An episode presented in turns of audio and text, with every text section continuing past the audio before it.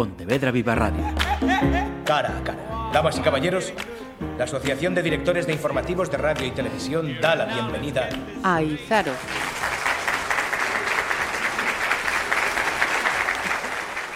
Izaro Andrés Celayeta es una joven artista vizcaína que acaba de arrancar este octubre una gira con la que recorre la geografía española promocionando su último disco, Limones de Oro, publicado en abril de este año.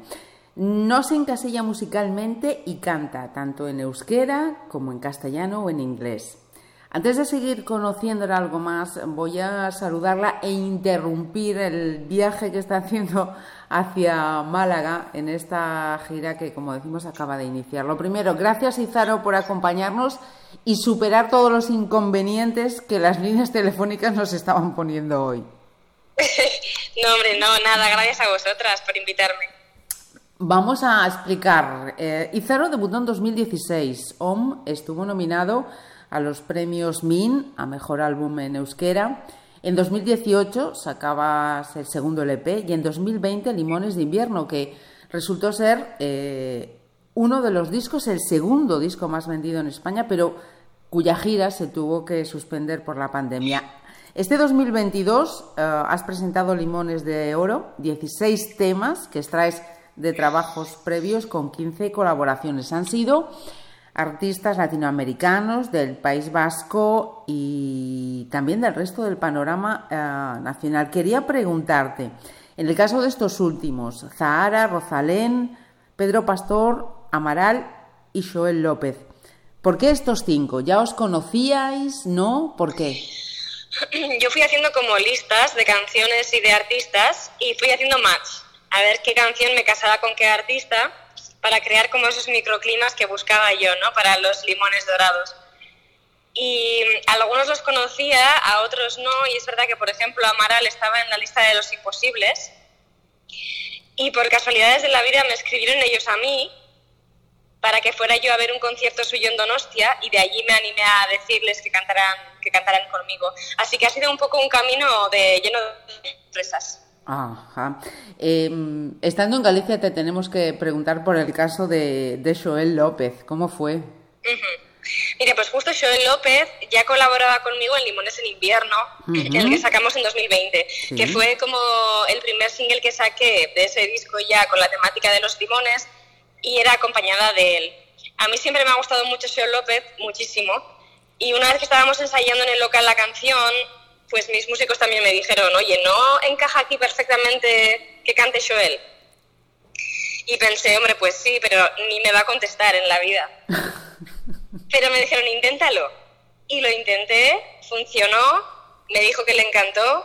Eh, me bajé a Madrid para ensayar la canción, luego nos bajamos otra vez para grabarla, grabamos también el videoclip, fue súper divertido y la verdad que para mí fue como un sueño hecho realidad, sí y, en el caso de los latinoamericanos, México, Cuba, Brasil, ¿cómo fue? Pues también igual, yo les iba como buscando por Instagram ya a los que seguía, a los que me apetecía que pudieran cantar conmigo y probé suerte. Dije, yo mando el mensaje y a ver quién me responde. Y ha sido, ha sido difícil porque al final cambio de horario, cada uno sus agendas, ha sido complicado.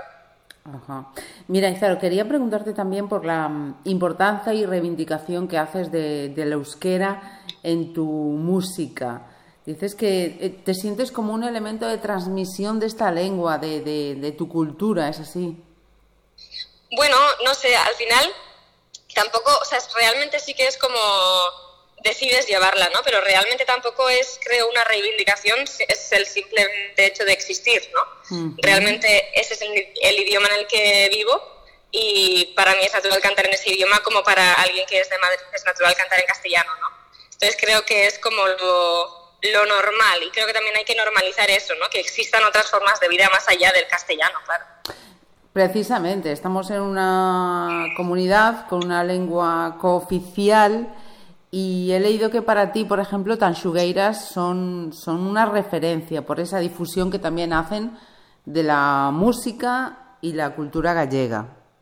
Claro, además también de normalizar el idioma, ¿no? de, normalizar eh, la vida entera en ese idioma, porque a veces parece que es como algo, como algo decorativo, pero realmente a la gente le cuesta entender que es igual funcionar en otro idioma que en cualquier otro.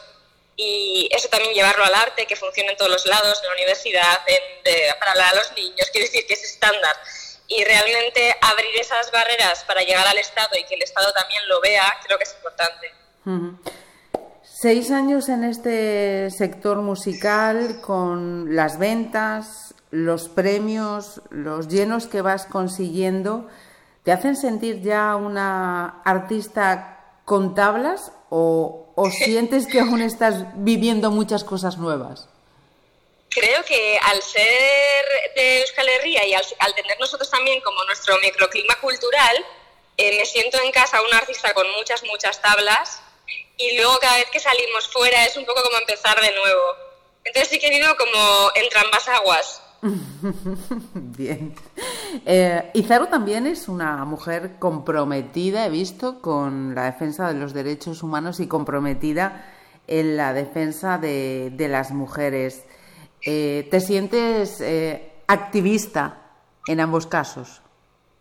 Hombre, realmente, como he dicho antes, no creo que eh, ya por el hecho de existir, realmente ser una mujer libre ya es revolucionario, intentar serlo, porque realmente es difícil, pero creo que es importante ¿no? que cada uno hable de sus realidades y la realidad de la violencia en contra de las mujeres es diaria y es brutal y creo que hay que desnaturalizarla y acabar con ella, sí. Acabas de empezar la gira nacional, has escogido escenarios eh, grandes? ¿Vas a preferir espacios más limitados o habrá de todo tipo?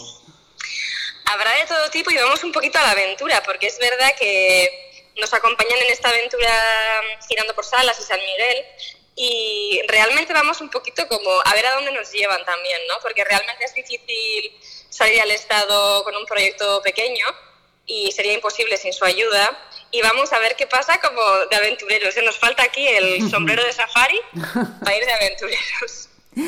Una aventura que imagino sería deseable tenga el resultado del velódromo de Anoeta en mayo, ¿no? Todas las críticas son brutales. Sí, ojalá, ojalá. Realmente nos apetece un montón ¿eh? poder salir con toda la banda a enseñar lo que, lo que tenemos y conocer a ver qué público viene a vernos en otros lugares. Aquí de esta gira, la próxima semana, 14 y 15, vas a estar en Coruña y Vigo. Eh, ¿Vas a subir sola? ¿Habrá algún tema acompañada? ¿Qué perspectivas eh, hay de tu debut, entre comillas, en Galicia? De momento iré sola, porque es verdad que casar agendas es súper, súper complicado. Bueno, sola iré acompañada con toda mi banda, eso sí intentaremos, pues bueno, no sé, crear sensaciones y emociones, a ver quién se anima a venir, porque es verdad que yo agradezco mucho a la gente que viene a, descubrir música y a dar la oportunidad de, ¿no? A nosotras de, comunicarnos con ellos y realmente es un regalo que nos hacen que vengan a conciertos. Pues eh, te esperamos, recordamos, 14 y 15, Izaro en Coruña y en Vigo. Así que mucha suerte en esta gira y gracias por esta charla y haber superado todas las dificultades que nos han puesto las comunicaciones. Sí, ya está. Vaya a ti. Pontevedra Viva Radio. ¿Me permiten que les haga un comentario como espectadores del programa Cara a Cara? Según un reciente sondeo de mercado, ustedes disponen de estudios e inteligencias superiores a la media. Sus intereses abarcan desde la actualidad mundial y la ciencia hasta el deporte y los espectáculos.